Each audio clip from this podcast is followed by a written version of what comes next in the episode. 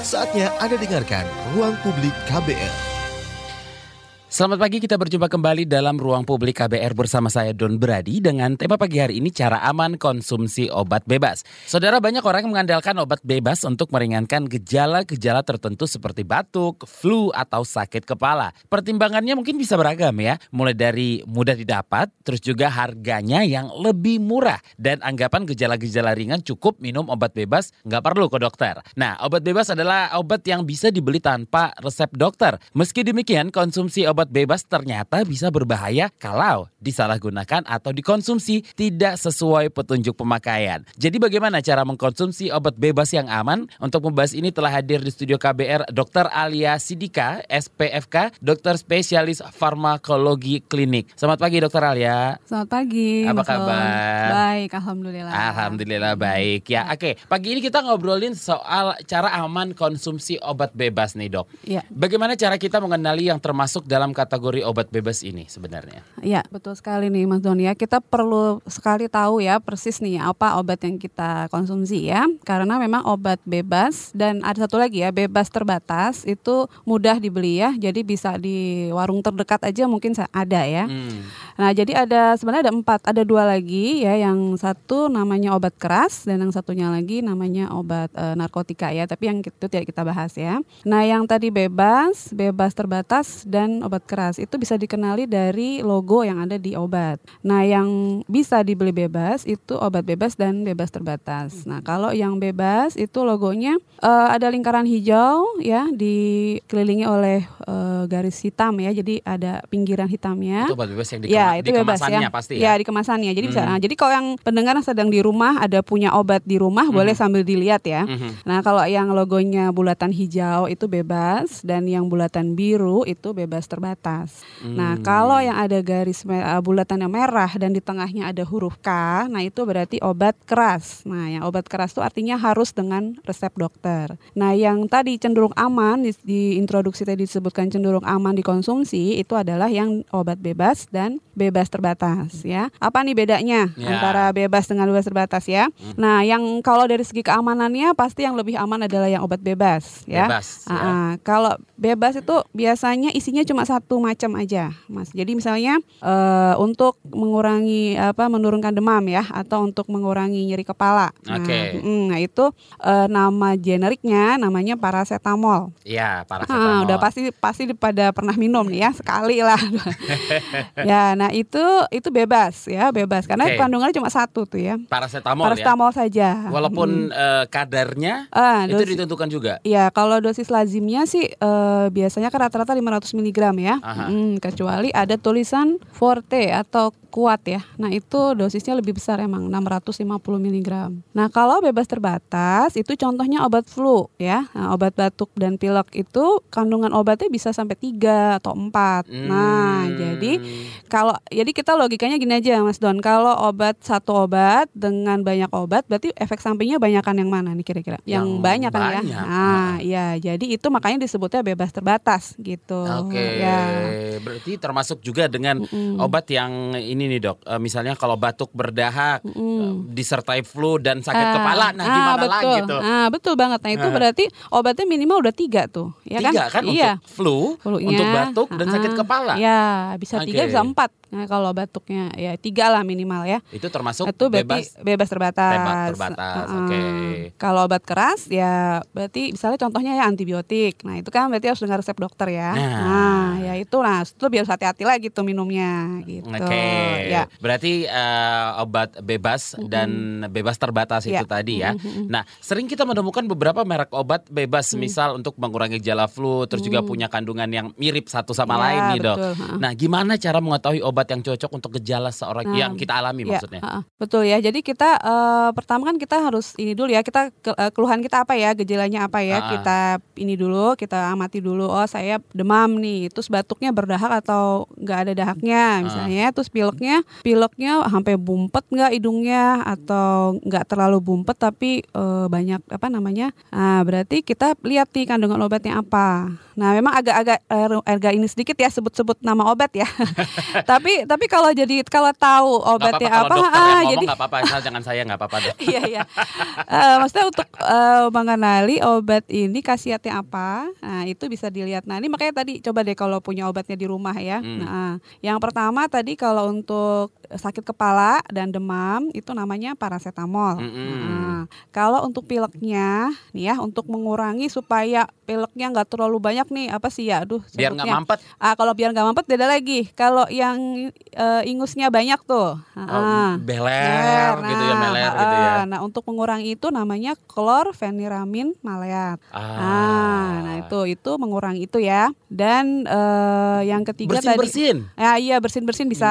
Gimana, gimana itu. itu apa? Ya itu dengan klorfeniramin maleat Oh, tadi. Oke. Ah.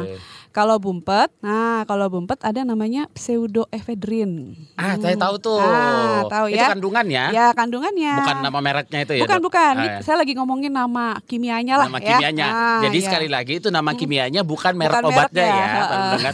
Nanti Nanti salah ya. Salah lagi. saya nggak jualan obat loh Iya, ya. Coba sebentar kita tahan dok. Kita Iya, iya, ada iya. telepon Pak Iya. Angga di Krukut. Selamat pagi Pak Angga. Selamat pagi. Iya silakan. Kalau obat yang dijual bebas itu Ya. tandanya apa sih? Nama obat yang apa namanya resep dokter itu. Gimana Pak? Boleh diulangi? Kalau obat yang dijual bebas sama obat yang kita beli dari resep dokter, itu Bedanya apa? Oke. bedanya apa? Ah, Baik. iya, iya. Oke, baik. Terima kasih Pak Angga. Oke, beda obat yang dijual bebas dengan resep dokter. Mungkin tadi kan dokter sudah sempat menyinggung kandungan kimianya yang Iya, ada iya. dalam obat itu. Biasanya yang dianjurkan sama dokter juga mengandung apa Oh, kandungan sama kimia. gitu Ah, ya? ah, ya. Mm. Ya, eh, gini Pak Angga tadi Iya. ya. Pak Angga kalau dokter itu boleh meresepkan obat apa aja ya Pak Angga ya. Jadi maksudnya obat bebas pun bisa diresepkan dokter. Nah, kalau terutama tadi yang tidak bisa dibeli dengan bebas tadi obat yang memang obat keras ya. Nah, jadi kalau judulnya dia obat bebas atau bebas terbatas, berarti sama aja nih mau diresepin dokter atau Bapak beli di toko terdekat ya. Maksudnya yang penting kandungannya apa. Jadi tapi kalau misalnya tadi antibiotik atau obat-obat keras lainnya berarti pasti beda ya. Berarti tidak bisa dibeli bebas. Gitu aja sih Pak ya. Jadi tergantung isinya apa. Tapi dokter bisa memberikan obat eh, bebas itu juga bisa. Nah, mungkin lebih eh, jelasnya lagi obat-obat bebas dan bebas terbatas itu sifatnya simptomatik ya, artinya mengurangi gejala saja. Nah, tadi kan Oke. Mas Don menyebutkan tuh aman gak sih kita minum obatnya ya? Nah, selama itu gejalanya ringan, tidak untuk jangka panjang ya. Nah, itu masih oke tuh. Nah, itu berarti dia sifatnya hanya untuk mengurangi gejala. Maka ada di Mm-mm. dalam kemasannya itu biasanya tulisan seperti ini. Jika sakit berlanjut hubungi dokter. Nah, betul tuh. iya, jadi itu artinya ya dok berarti ya. Iya betul. Karena kalau Oke. minum obat sakit kepala nggak boleh kelamaan juga tuh. Nanti kan dicari tahu dulu dong nih Betul. sakit kepalanya kenapa nih gitu. Betul, betul, betul, betul. Iya. Ah, berarti ada ada ada kemungkinan kalau obat yang dijual bebas ini adalah hanya untuk oke, dokter tadi sudah bilang untuk meringankan gejala. Iya betul. Atau berarti tidak akan menyembuhkan sama sekali. Nah kalau misalnya sebabnya ringan ya, jadi misalnya virus aja ya, artinya bukan sesuatu infeksi yang berat, oh bisa, bisa aja. Nah kayak misalnya kita kalau penyakitnya virus kita sebutnya self limiting disease ya, artinya penyakit yang bisa sembuh sendiri. Nah Ya, ah, makanya ini nih yang menarik nih ya, Mas. Eh, kalau obat flu itu bikin ngantuk kan ya? Betul. Nah, jadi itu salah satu efek samping sebenarnya. Nah, tapi ada yang menguntungkan buat pasiennya. Kenapa? Karena dia bisa istirahat. Nah, Hmm. jadi kalau udah istirahat, pola makannya baik, sembuh deh tuh tiga hari kan. Nah, jadi obat tersebut meringankan gejala dan memberikan kesembuhan buat pasiennya gitu. Hmm, tapi Ya. jika sakit berlanjut Nah, jika hubungi dokter.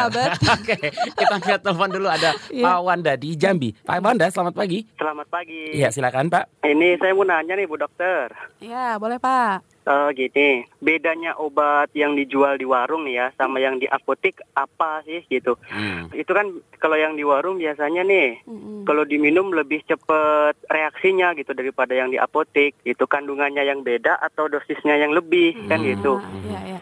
Kalau kebanyakan minum apa sih efeknya gitu loh. Hmm, Terima kasih ya Bu. Terima Iya. kasih Pak Wanda di Jambi. Silakan dok. Iya, terima kasih pertanyaannya ya Pak Wan- Wanda. Pak Wanda, oke. Eh, begini Pak Wanda, makanya tadi eh, saya sebutkan agak sebut-sebut nama kimia sedikit ya, itu supaya kita mengenali obat apa sih yang kita minum ya, Pak ya. Mm.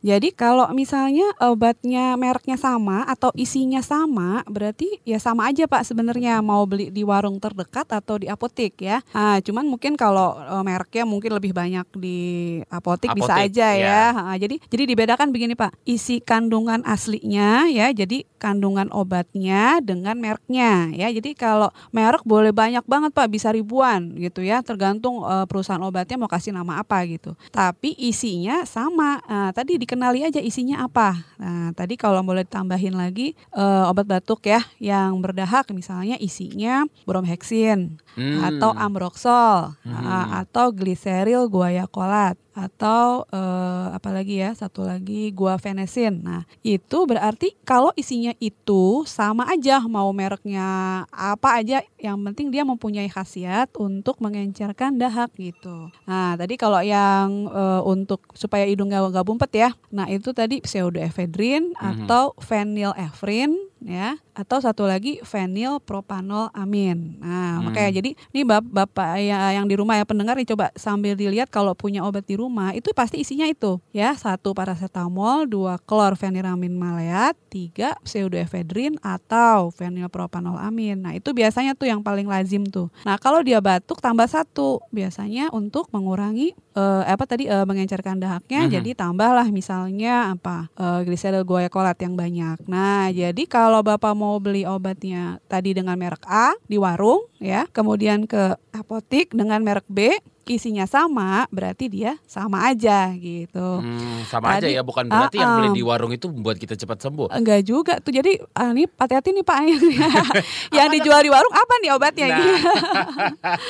iya, jadi kalau eh, dilihat aja mereknya ya apa kemasannya. Mhm. Soalnya memang hati-hati aja juga eh kita nggak tahu obat obat warungnya eh, dari mana belinya gitu ya. Jadi kalau tapi sih eh, selama dia dengan merek yang memang sudah eh, diketahui ya artinya ya insya Allah sih baik-baik aja ya. Tapi dilihat aja dulu Pak isi kandungannya gitu ya. Jadi kita mau eh, acara ini mau membuat supaya pendengar tahu nih kita minum obat apa sih gitu ya kayaknya Betul. kira ya. Ah, Mm. Oke, kita harus break dok. Oh oke. Oke, ruang publik akan kembali.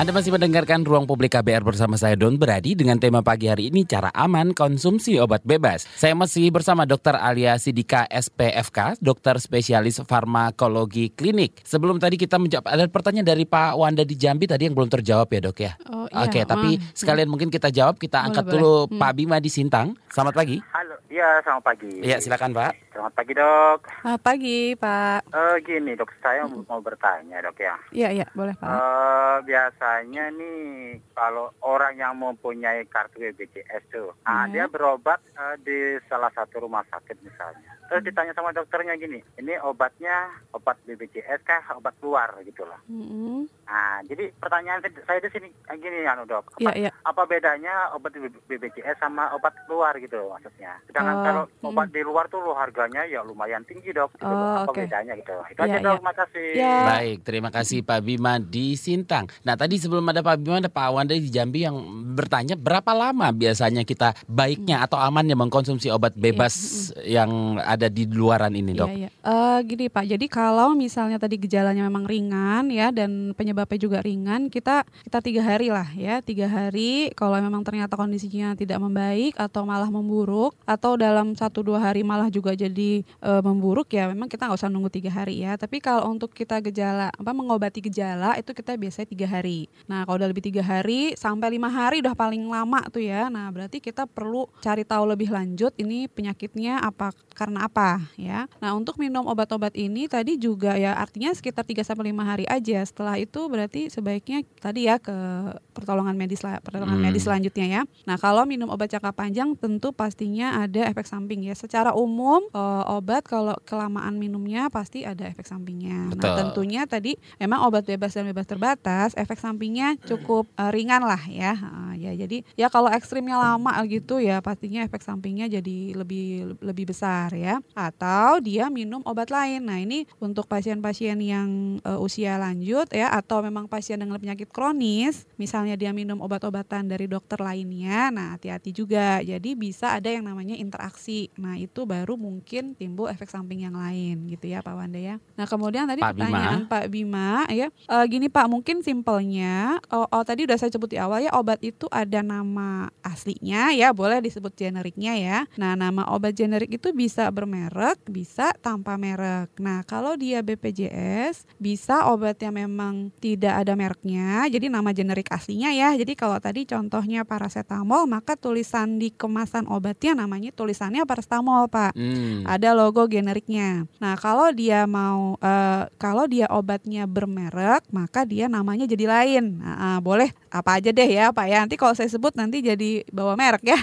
Nggak boleh ya, Pak ya. Mm-mm. Nah, jadi tadi pertanyaan dokternya mungkin maksudnya begini, Pak. Jadi obat-obat dalam BPJS itu ada eh, sudah ada list nama obatnya, daftar obatnya. Kalau misalnya dia tidak tercover dengan BPJS, maka harus dari obat luar itu mungkin maksudnya. Jadi belinya di luar. Hmm. Nah, tetapi secara kualitas kalau dia generik atau tidak bisa dibilang dia paten generik juga atau ya? bermarik. Ah, kalau paten sebenarnya agak beda sedikit nih, Oh, Oke, Mas dokter Don. jelasin Ah. dulu yang tadi. Ya, ini kalau dia bermerek atau tidak bermerek, maka isinya sama Uh-huh. ya dan khasiatnya harusnya sama. Jadi karena maksudnya harusnya sama, jadi dia eh, obat itu kalau mau dijual kan diteliti dulu nih. Ya. Nah, ah, jadi dia efeknya sama nggak sama orangnya dengan dibandingkan dengan obat yang eh, sudah eh, paten tadi. Nah, itu kalau dia sama, maka khasiatnya sama. Jadi Hmm. jadi tadi mungkin eh, pertanyaan dokternya mungkin kurang jelas ya Pak. Atau maksudnya gini, maksudnya jadi intinya obat BPJS ataupun obat luar selama dia nama generiknya sama, maka khasiatnya sama. Ke- nah, bedanya mungkin tadi ada yang merek atau dia tidak bermerek. Hmm. Nah, yang kedua bisa jadi obat tersebut tidak tercover oleh BPJS-nya sehingga dia harus beli di luar gitu ya. Pak. Oke, Ah.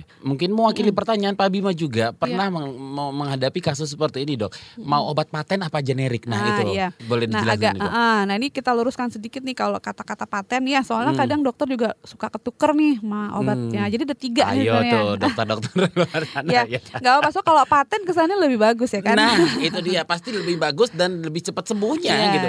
Nah, obat paten itu sebenarnya adalah ob- eh, adalah suatu apa perusahaan nama obat yang pertama kali dipatenkan oleh suatu perusahaan obat. Nah, Oke, nah, coba diulang lagi dok. ya, Obat eh, paten itu obat- adalah obat yang pertama kali Aha. dipatenkan oleh suatu perusahaan obat nih. Oke. Nah, jadi perusahaan obat A dia menemukan obat apa dan dia patenkan namanya itu nama obat itu. Hmm. Nah, setelah biasanya sekitar 20 sampai 25 tahun kemudian baru perusahaan obat lain boleh memproduksi obat yang sama. Oke. Tapi namanya jadi beda. Oke. Ah, ah. Jadi itu sebenarnya istilah aslinya paten. Jadi semacam ya. hak paten begitu nggak sih? ya, ah, jadi Oh. ada tuh obat ya, satu obat yang sangat terkenal itu dia eh, udah mau habis nih masa patennya nih. Nah, berarti dia bisa tuh nanti perusahaan obat lain membuat obat yang sama persis dengan itu tapi mereknya berbeda. Nah, jadi mungkin kita lebih enaknya supaya nggak terlalu rancu dengan kata paten, tadi aja generik bermerek atau tidak bermerek gitu. Karena Hmm. yang pasti isinya sama, hanya beda.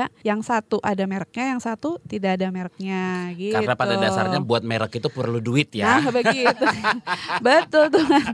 Iya. Iya iya iya. iya. Eh, eh, Oke. jadi, Nah, mm. jadi bisa di bisa mudah-mudahan bisa menjawab uh, pertanyaan dari Pak Bima di Sintang Iya, juga betul. dan uh, pertanyaan para pendengar semua di luar sana ya. Iya, Saya iya. juga baru tahu tuh dok Iya, karena uh-uh. pernah mendapatkan kasus kalau mau generik apa paten ternyata paten itu adalah hak paten seperti Iya itu ya. maksudnya, mm, Hmm, jadi supaya jangan terkecoh kesannya kok isinya jadinya beda gitu. Mm-mm. Padahal isinya sih sama. Uh-uh. Betul. Cuman yang satu dikasih merek, yang satu enggak gitu doang. Oke. iya, Jadi sama ya dok ya? sama Ya. aja. Kenapa? Ah, Nah, harganya sangat beda. Nah tadi Pak Bima juga menanyakan karena di luar itu obat di luar itu Oh, iya, harganya iya. mahal banget dok. Iya betul. Ya emang sih mungkin ini kalau lebih jeli lagi satu merek yang satu dengan merek yang lain juga bisa jomplang harganya. Betul. Iya, iya. Apa itu yang membuat membedakan kandungannya kan dok? Dosisnya dosisnya kah? Eh, enggak sih sebenarnya Dokter eh, bingung deh. enggak gini sebenarnya tadi ya kandungan aktifnya jadi kalau obat Oke. itu kan ada kandungan aktifnya Eh, kandungan aktifnya pasti sama Hmm. Nah, mungkin yang berbeda adalah mm, bahan namanya kalau kita sebutnya vehikulum ya atau bahan tambahannya ya. Jadi kan kalau pasti ada tepungnya ya. Hmm. Ah, nah itu mungkin berbeda. Terus tadi kemasannya eh, bisa jadi leb- eh, lebih bagus yang bermerek. Nah terus tadi betul ada proses proses untuk mengiklankan dan Hmm. lain-lain. Nah sehingga jatuhnya menjadi lebih mahal. Nah jadi eh, tapi nggak usah khawatir ya karena tadi yang penting sebenarnya kan kandungan aslinya. Ah, ah, kandungan apa kandungan eh, khasiat apa yang zat yang berkhasiatnya. Nah, zat yang berkhasiatnya harusnya sama. Ya tapi eh, kalau bahan tambahan lainnya nah mungkin itu ada yang berbeda. Saya pakai generik kok. Iya. Ada, ada lagi pertanyaan kan ini sepertinya curahan hati ya sepertinya. iya Oke. Eh, betul betul tapi emang itu kok eh, Kejadian nih seperti Eh, itu ya, iya, Dok ya. iya. Mungkin emang industri farmasi yang bisa lebih jawab ya. Nah, kalau saya lebih ke Tapi betul betul itu kita menjadi pertanyaan buat dokter Betul. juga kok. Iya, Iya. kenapa ya kok jauh banget harganya gitu Oke, ya. dok, ada lagi satu pertanyaan yang mungkin em, apa ya menjadi pertanyaan kita sebuah Hmm. ada iklan eh, apa namanya obat yang membuat eh, tidak menyebabkan kantuk, benar Iya. nggak sih dok? Iya iya betul. Nah tadi jadi gini kan salah satu kandungan obat di dalam obat flu ya tadi itu ada yang tadi namanya klorfeniramin maleat Hmm. atau bisa bromfeniramin maleat atau klor eh, trimeton atau apalagi itu ya tripolidin kalau nggak salah. Nah itu adalah suatu antihistamin jadi anti alergi. Nah anti alergi jenis itu mempunyai efek samping mengantuk. Nah jadi di sini Hmm. saya clearkan ya, saya Mm-mm. perjelas bahwa itu adalah suatu efek samping ya. Nah, tetapi untuk pasien-pasien flu tadi yang karena virus ya, yang karena kecapean, nah, jadi Mhm. bukan karena sesuatu yang serius. Kalau dia tidur pastinya enak dong, nyaman ya. Nah, jadi akhirnya menguntungkan lah buat pasiennya. Tetapi efek samping tersebut membatasi orang untuk minum obat flu yang mau aktif ya. Misalnya yang mau kerja, yang mau nyetir atau yang mau memakai alat sehingga warningnya di obat tersebut adalah tidak boleh diminum untuk orang yang mau bekerja dengan alat tertentu atau Hmm. mengendarai kendaraan. Nah, Mhm. karena pasti ngantuk. Betul. Nah, eh, jadi akhirnya adalah perusahaan obat yang membuat kalau gitu jangan dimasukkan kandungan anti alerginya tadi gitu. Nah, tetapi tentunya akan Hmm. mengurangi khasiatnya sedikit ya. Heeh. Oke. Karena kan tadi dia gunanya untuk mengatasi alerginya atau tadi mengurangi sekresi ingus apa tuh melernya tadi tuh. Hmm. Heeh. Nah, tetapi biasanya kalau nggak berat tadi obat lain meng- mengatasi juga yang tadi pseudoephedrine tadi. Nah, itu kan sengaring ngeluarin pilek, dia ngurangin sekret juga ada sih efeknya sedikit gitu.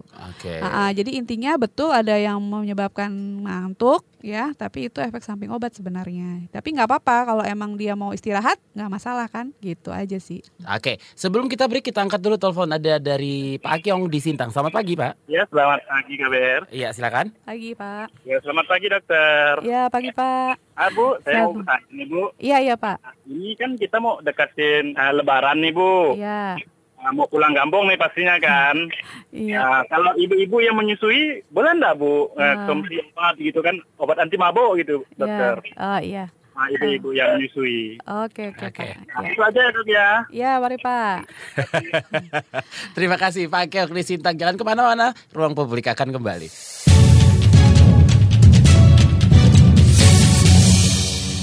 Anda masih mendengarkan Ruang Publik KBR bersama saya Don Brady dengan tema pagi hari ini cara aman konsumsi obat bebas. Dokter, tadi Oh, sebelum iya. break Hmm, kita betul. sudah ada pertanyaan yang eh, bagus banget ini dari Pak Akyong di Sintang. Hmm, Kalau bilang eh, eh, obat anti mabuk itu bisa nggak sih dikonsumsi sama busui, ibu menyusui? Iya, Pak. Akyong. Akyong dari Sintang ya. Wah, kita punya dua penelpon tadi ya dari Iya, Sintang ya. betul. Hmm. Eh, gini Pak, kalau ini eh, kita kan obatnya obat bebas ya tadi ya. Eh, obat bebas atau bebas terbatas. Nah, kalau obat anti mabuk yang dijual bebas itu kandungannya mirip-mirip dengan tadi obat eh, flu yang tadi itu. Jadi kalau Bapak lihat eh, nanti kemasannya itu namanya dimenhidrinat. Nah, dimenhidrinat itu eh, anti alergi juga yang mempunyai efek mengurangi mabuk eh, mabuk darat atau mabuk laut ya, mengura- mengurangi gejala akibat gerakan itu, misalnya Mhm. eh, naik kapal atau naik pesawat, naik mobil ya. Nah itu kalau obatnya itu berarti masih cukup aman pak, jadi boleh. Ya kan minumnya juga nggak berhari-hari kan ya, paling cuma sepanjang perjalanan aja.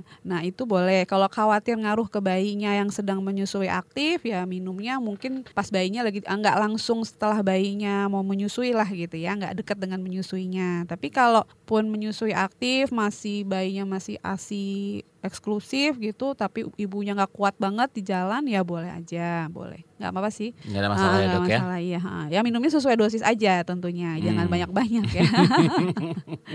Oke, Iya. kita baca dulu beberapa WhatsApp yang sudah masuk dok. Iya. Dari Ana di Semarang, saya kalau sakit kepala selalu minum paracetamol. Tapi saya sebenarnya khawatir juga sih, takut kalau kebanyakan. Paling tidak dalam sebulan saya pasti ada satu kali minum paracetamol. Apakah itu masih aman dok? Oh, iya. Satu kali dalam sebulan masih oke, nggak apa-apa. Hmm. Kan sakit kepalanya mungkin nggak ada yang serius ya, karena nggak terus menerus ya. Nah, tapi kalau misalnya udah minum paracetamol nggak hilang sakit kepalanya atau tambah sakit, nah itu berarti bahaya. Tapi kalau sekali minum hilang terus sebulan kemudian minum lagi itu ya nggak apa-apa. Oke, masih oke. Oke Masih ya. boleh ya. Oke, ada Dewi di Padang. Saya sering dengar jangan minum susu setelah minum obat. Apakah itu benar dan kenapa dok? Ya, susu itu sebenarnya nggak semua obat akan bereaksi terjadi interaksi dengan susu ya. Jadi ada istilah interaksi. Jadi kalau kita makan sesuatu, kemudian kita minum obat, kemudian terjadi interaksi itu ada antara susu dengan obatnya. Nah, yang pasti bereaksi itu adalah misalnya antibiotik ya. Nah, beberapa obat nggak terlalu belum tentu dipengaruhi, tetapi bisa jadi ada. Nah, jadi makanya secara umum kalau misalnya kita bilang eh, ke pasiennya gitu ya jangan like, bareng minum susu, jangan bareng minum kopi, jangan apalagi soda misalnya atau jangan minum teh ya. Mm-mm. Ya, maksudnya jangan terlalu Teh eh, manis jangan hangat nggak boleh Ah, ah, dok? jangan jangan buat minum obatnya maksudnya. Ah. Ah, ah. Jadi minumnya air putih aja itu lebih aman gitu. Mm-mm. Kopi apalagi? iya, betul. Nah, jadi gini, ini mungkin ada efek samping yang ringan atau kalau orang yang sensitif ya. Jadi kalau misalnya minum obat flu itu kalau minum kopi juga nanti ada reaksi eh, eksita apa peningkatan ini ya kan kita kalau minum kopi jadi lebih alert ya, lebih Hmm. apa awas ya Iya. apa lebih ya. Nah, itu kalau kita minumnya bareng sama obat flu itu nanti tambah gitu. Oh, Ah, ah, karena oke. obat flu tadi kan ada obat pseudoephedrinnya tadi tuh. Nah, itu mungkin bisa berinteraksi dengan kandungan kafeinnya gitu. Oke. Mm, nah, jadi tadi kalau secara umum iya betul Mbak. Jadi mendingan nggak usah bareng susu, benar. Berapa ya. jam setelah minum obat bisa? Kalau bisa dua jam. Dua jam setelah minum Mm, obat ya. ah, Atau dua jam sebelum minum obat. Oke. Aman tuh. Oke, dari A- Anwar di Kalimantan. Kalau kena gejala flu, saya langsung minum obat bebas. Misal bersin-bersin dan leher mulai terasa sakit. Apakah kalau seperti ini sudah boleh minum obat atau tunggu pileknya keluar dan terasa demam? Ya, prinsipnya tadi kalau obat bebas-bebas terbatas kan untuk mengurangi gejala. Nah, kalau memang gejalanya sudah mengganggu ya, sudah nggak enak, boleh. Jadi prinsipnya obat-obat bebas dan bebas terbatas tadi membantu mengurangi gejala. Udah itu aja. Hmm. Ah, jadi kalau mau udah mulai nggak enak badan, udah mulai sakit kepala, udah mulai apa, boleh. Jadi tapi tadi intinya obatnya sesuaikan aja dengan gejalanya tadi ya. Tentunya kalau nggak ada batuk jangan minum obat batuk gitu lah.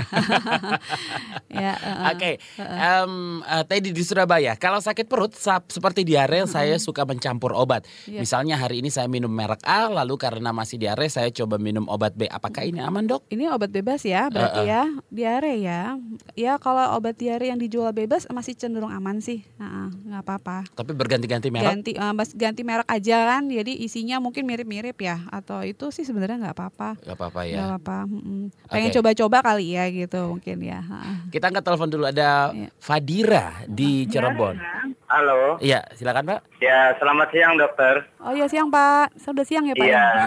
iya kan ya udah siang ya dokter. Ini Iya, iya. eh, saya mau menanyakan perihal Iya. orang tua saya nih Iya. eh, kecanduan obat warung gitu. Kalau sehari nggak minum obat itu eh, kondisinya sangat kurang baik gitu. Mm, mm, Sehingga dia tiap hari harus mengkonsumsi obat warung Mm-mm. sampai bisa dibilang agak over gitu minum obatnya itu Mm. eh, bahkan sekarang efeknya juga pendengarannya juga sudah apa ya tuli atau budek gitu tuh. Mm. Sudah Oh. saya peringatkan untuk mengurangi, tapi eh, kalau sehari nggak mengkonsumsi obat warung tuh rasanya dia tuh gimana gitu nggak kondusif keadaan staminanya itu. Nah bagaimana kalau kurang baik ya mengingatkannya bagaimana setelah itu efeknya apa itu Iya. eh, risiko dan selanjutnya gitu mohon keterangannya dok ya. Iya, Oke. Selamat eh, siang. Pak, Pak, Pak. ya, udah ditutup udah ya. ditutup. Mau nanya obatnya apa ya gitu. Betul. Saya mau Iya, bilang iya. obatnya apa dan Iya. apa sakit orang tua Iya, tiap iya. hari. Apa yang dirasakan gitu ya. Ditutup, Mungkin- tapi mungkin bisa Ya kayak mungkin eh, kalau misalnya tadi istilahnya obat warung dan badan gak enak badan mungkin pegel-pegel kali ya atau ya nggak enak badan lah mungkin Ah, ya. ah, ah, ah. Ah. Nah di sini ada dua hal nih Pak ya. Kalau orang tua berarti kita asumsinya usianya mungkin udah 60-an ke atas ya. Nah itu berarti agak beda nih Pak dengan orang dengan dewasa muda. Nah kalau orang sudah usia lanjut berarti dia fungsi organnya sudah menurun. Itu pertama ya. Nah terus yang kedua kalau minum obat setiap hari kemudian eh, jangka lama itu pasti membebani organ tubuhnya. Nah, ada beberapa organ utama ya yang mencerna obat ya dan me- eh, apa ya mem- memproses obat yaitu eh, hati dan ginjal. Hmm. Nah, terutama ya itu hanya yang terutama. Nanti bisa juga organ yang lain. Nah, kalau usia lanjut itu pasti fungsi ginjal dan fungsi hepar hatinya sudah mulai menurun. Nah, jadi secara sederhananya kalau minum obat untuk jangka lama maka akan membebani dua organ tersebut sehingga nanti bisa eh, menyebabkan gangguan pada dua organ tersebut minimal itu dua itu. Nah, Hmm. jadi saya nggak tahu tadi persis bagaimana kondisi orang tuanya Pak Pak Pak Fadira. Fadira tadi ya se- seberat apa kondisinya, kemudian apa keluhannya dan obat apa yang diminum. Nah, tapi kalau misalnya tadi parastamol saja, nah paracetamol itu sebenarnya kalau dia dosisnya lazim ya dosis yang biasa diminum dan tidak terlalu lama itu nggak apa-apa. Tapi kalau jangka lama, kemudian ya itu tadi nanti bisa ke hepar ya ke hati sama ke ginjal. Nah itu. Atau mungkin ada kemungkinan eh, kasus yang sama dengan orang tua dari Pak Fadira ini susah tidur dok. Jadi minum paracetamol, paracetamol lagi biar gampang tidurnya. Bisa bisa berakibat seperti itu juga nggak sih? Eh, maksudnya jadi kalau nggak minum obat jadi nggak bisa tidur Iya, gitu ya? eh, eh. Jadi ketergantungan jadinya. Sebenarnya sih kalau obat-obat yang terkandung dalam obat bebas dan bebas terbatas itu tidak ada efek ketergantungan ya sebenarnya ya. Hmm. Karena kalau eh, obat menimbulkan efek ketergantungan itu adalah obat-obat yang golongan narkotika tadi tuh. Hmm. Nah, jadi kalau be- obat bebas apalagi bebas terbatas harusnya sih tidak ada efek ketergantungan ya. Ha, ah, tapi Secara psikis Ah, mungkin. mungkin iya jadi tadi kan kayak eh, orang tuanya Pak Fadil tadi kalau nggak minum kayaknya nggak enak Nggak ya enak Ah, gitu. ah. nah jadi tapi sebenarnya bukan real bukan benar-benar Kecanduan. kecanduan Iya. ya ha, ha. jadi mungkin bisa dikasih tahu pelan-pelan Pak ya Eh, atau misalnya kalau eh, apa tadi ya dijelaskan bahwa efek samping obat itu bisa berakibat eh, buruk kalau emang terus-terusan. Nah tadi mungkin dilihat lagi juga umurnya berapa ya, jadi bisa lebih jelas lagi dijelaskan karena usia yang sudah lanjut nanti efek sampingnya ke mana-mana. Nah, Hmm. terus yang kedua mungkin kalau nggak enak badan atau apa lebih eh, misalnya boleh yang tradisional ya atau Minum Ah, jamu ah, mungkin ya. atau jamu yang bikin sendiri ya, Iya. jangan yang beli. Nah itu ah, art- Oke. ya, artinya lebih aman lah Iya. untuk orang tua. Nah itu bisa aja mungkin ya. Nah jadi atau eh, misalnya emang udah pegel-pegel kelamaan ya mungkin ya tadi mungkin berobat lebih lanjut juga ya supaya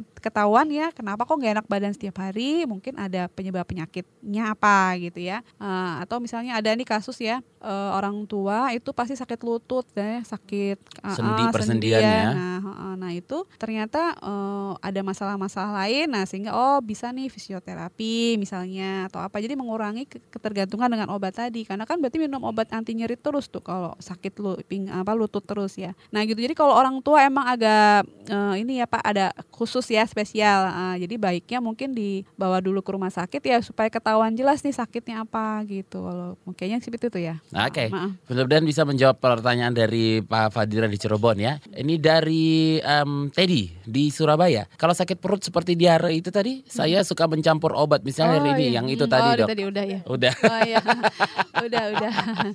Oh mencampur tapi mungkin jangan bareng ya tadi lupa bilang. Kalau gantian sih nggak apa-apa.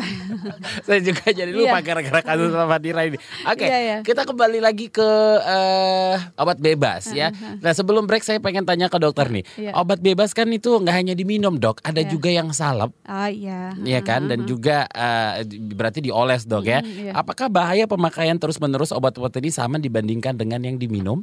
obat salep ini? Ya, prinsipnya kalau obatnya tidak diminum dengan obat yang dioles, pasti eh, efeknya kalau dioles berarti kan efeknya setempat ya, Hmm. hanya di situ aja. Nah, keuntungannya dia efek sampingnya jadinya lebih ringan. Nah, jadi kalau Oke. dia dioles ya, nah, jadi misalnya cuma pegal-pegal biasa, nggak perlu diminum, pakai obat oles aja masih oke. Nah, itu nggak apa-apa. Malah jadi jadi eh, kita mengurangi efek samping obat yang sifatnya sistemik yang seluruh tubuh ya, tadi ke organ-organ tubuh. Tapi eh, efek sampingnya masih tetap ada ya apa misalnya alergi nggak kalau nggak kuat dengan obat olesnya nanti ya mungkin gatal-gatal atau apa gitu ya atau eh, tapi kalau misalnya eh, tidak terlalu luas ya kemudian dia masih ringan eh, nggak apa-apa malah lebih aman sih kalau pakai Lebih aman ya Nah, kalau oles-oles ya. oles aja ya Jadi nggak usah takut kalau eh, untuk membeli obat oles untuk mengobatin Panu dan teman-temannya gitu ya dok oh, ya. iya, oh, ini, nah itu lain lagi tuh Oh, lain lagi. Nanti dijawab dok. Nanti Iya. dijawab.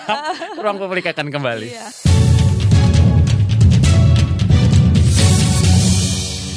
Kita sudah di segmen terakhir Ruang Publik KBR dengan tema pagi hari ini cara aman konsumsi obat bebas. Dan saya masih bersama Dr. Alia Sidika SPFK, dokter spesialis farmakologi klinik. Nah, sebelum break tadi ada satu pertanyaan yang Iya. akhirnya itu berbeda lagi obat Iya, iya. obat oles oh salep Ah, itu. iya. Yang saya tanyakan mungkin eh, itu berbeda lagi dengan obat salep untuk penyakit kulit ya, Dok ya. Iya, iya. Bisa Tadi- penyakit kulit Ah, ya. jadi saya juga tadi kurang jelas ya. Jadi Mhm, eh, eh, benar betul sekali obat bebas itu nggak hanya yang diminum ya. Hmm. Nah sekali lagi kembali lagi lihat logonya. Jadi kalau dia obat o- oles pun pasti juga ada penjelasannya nih obat eh, bebas atau bebas terbatas atau, atau obat keras ya. Nah itu tadi bisa dia salep atau misalnya pada permukaan lainnya. Jadi misalnya mata ya. Nah kalau dia salep tadi bisa untuk nyeri. Yang tadi yang saya jelaskan sebelum break itu maksudnya kalau misalnya untuk nyeri ya. Untuk oles-oles ya, Dok, nyeri. ya. Nah, nah tapi kalau untuk penyakit Balsem kulit, gitu ya? ah ya Ah. sejenis itu. Ah.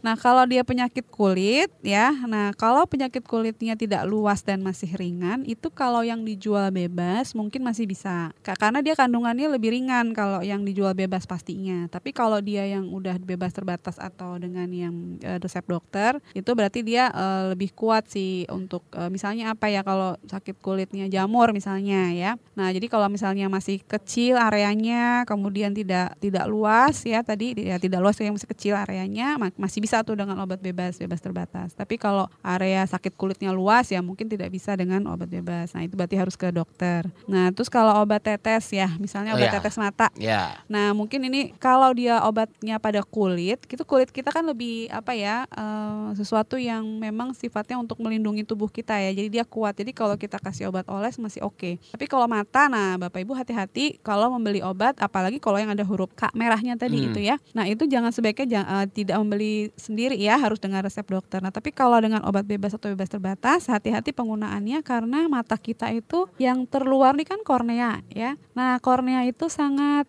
apa ya halus apa ya hmm, jangan sampai eh, itu untuk kita melihat itu kan harus Betul, dengan nah jadi harus betul. hati-hati banget lah Harus hati-hati ya. Ah, ah, jadi agak beda sedikit. Jadi kalau obat tetesnya mata, nah itu kita harus lebih hati-hati ya. Kalau obat pada oles pada kulit itu masih lebih aman ya. Tapi kalau obat tetes pada mata itu harus benar-benar dilihat obatnya apa dan bagaimana cara penggunaannya. Jadi kalau obat yang misalnya mata merah itu ya kan lagi banyak tuh iklannya Mhm. juga. Nah itu nggak bisa tuh untuk lama-lama tuh. Dia hanya Hmm. untuk sem- ah, nah, nah kalau merahnya nambur tidak hilang apalagi nggak bisa tuh diobati dengan obat itu. Nah Hmm. jadi harus hati-hati. Jadi eh, efek sampingnya akan lebih besar pada obat tetes yang pada mata gitu atau pada telinga. Oke, Mm-mm. jadi pada saat kondisi seperti apa mata kita ini sebenarnya dok bisa menggunakan obat bebas, Obat bebas. tetes mata itu? Ah, ya tadi pada kondisi misalnya matanya agak kering atau misalnya eh, kena iritasi ringan aja. Kalau misalnya Debu gitu. debu kena debu merah sedikit boleh. Tapi kalau infeksi merahnya berkepanjangan sebaiknya tidak boleh pakai bebas obat bebas. Oke, nah apakah ada perlakuan berbeda pada anak dan orang dewasa terkait pemakaian obat bebas ini dok? Kurang lebihnya pasti kan kita harus pilih obat yang untuk khusus anak ya. Hmm. Ah, jadi kalau obat bebas bebas terbatas itu memang ada yang khusus anak dengan dosis yang sudah disesuaikan untuk anak itu pastinya. Eh, dan kita lihat juga tadi kandungan obatnya kita sesuaikan juga tadi untuk anak ya. Ya kalau emang udah untuk anak sih biasanya emang khususnya untuk anak. Hmm. Nah kemudian semuanya sebenarnya mirip aja. Jadi tadi tidak boleh jangka panjang. Kalau misalnya dia memang gejalanya tambah berat, berarti jangan lebih dari 3 sampai lima hari itu. Kalau anak ya mungkin jangan nunggu lima hari ya, tiga hari. Kalau kondisinya masih demam, berarti kita harus ke dokter gitu atau Iya kan tapi sakit. ada juga obat bebas yang seperti ini dok. Aturan pemakaiannya. Iya. Kalau anak-anak satu sendok teh misalnya Oh, kayak gitu. iya, Untuk dewasa dua sendok teh Iya. dua tiga kali sehari.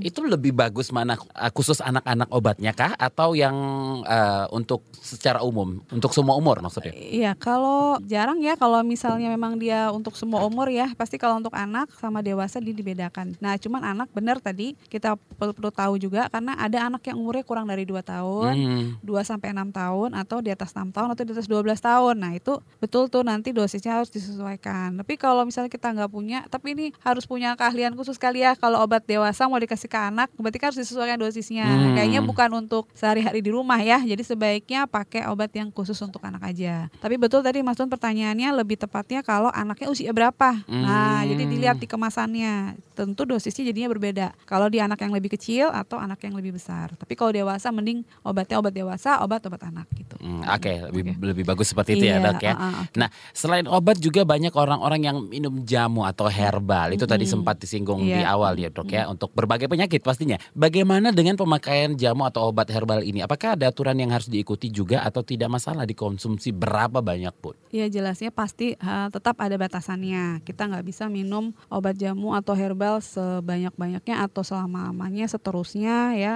dan beranggapan bahwa itu jauh lebih aman ya. Sebenarnya nggak juga. Jadi tetap sesuatu yang berlebihan pasti ada efek sampingnya gitu ya. Uh, jadi uh, tapi pastikan kalau memang mau minum herbal atau jamu itu pastikan yang pembuatannya benar ya. Jadi kalau dia obat herbal berarti harus kita pastikan ini obatnya ada logo ada uh, tanda dari badan POM-nya ya bahwa sudah diperiksa di badan POM Mhm. ya.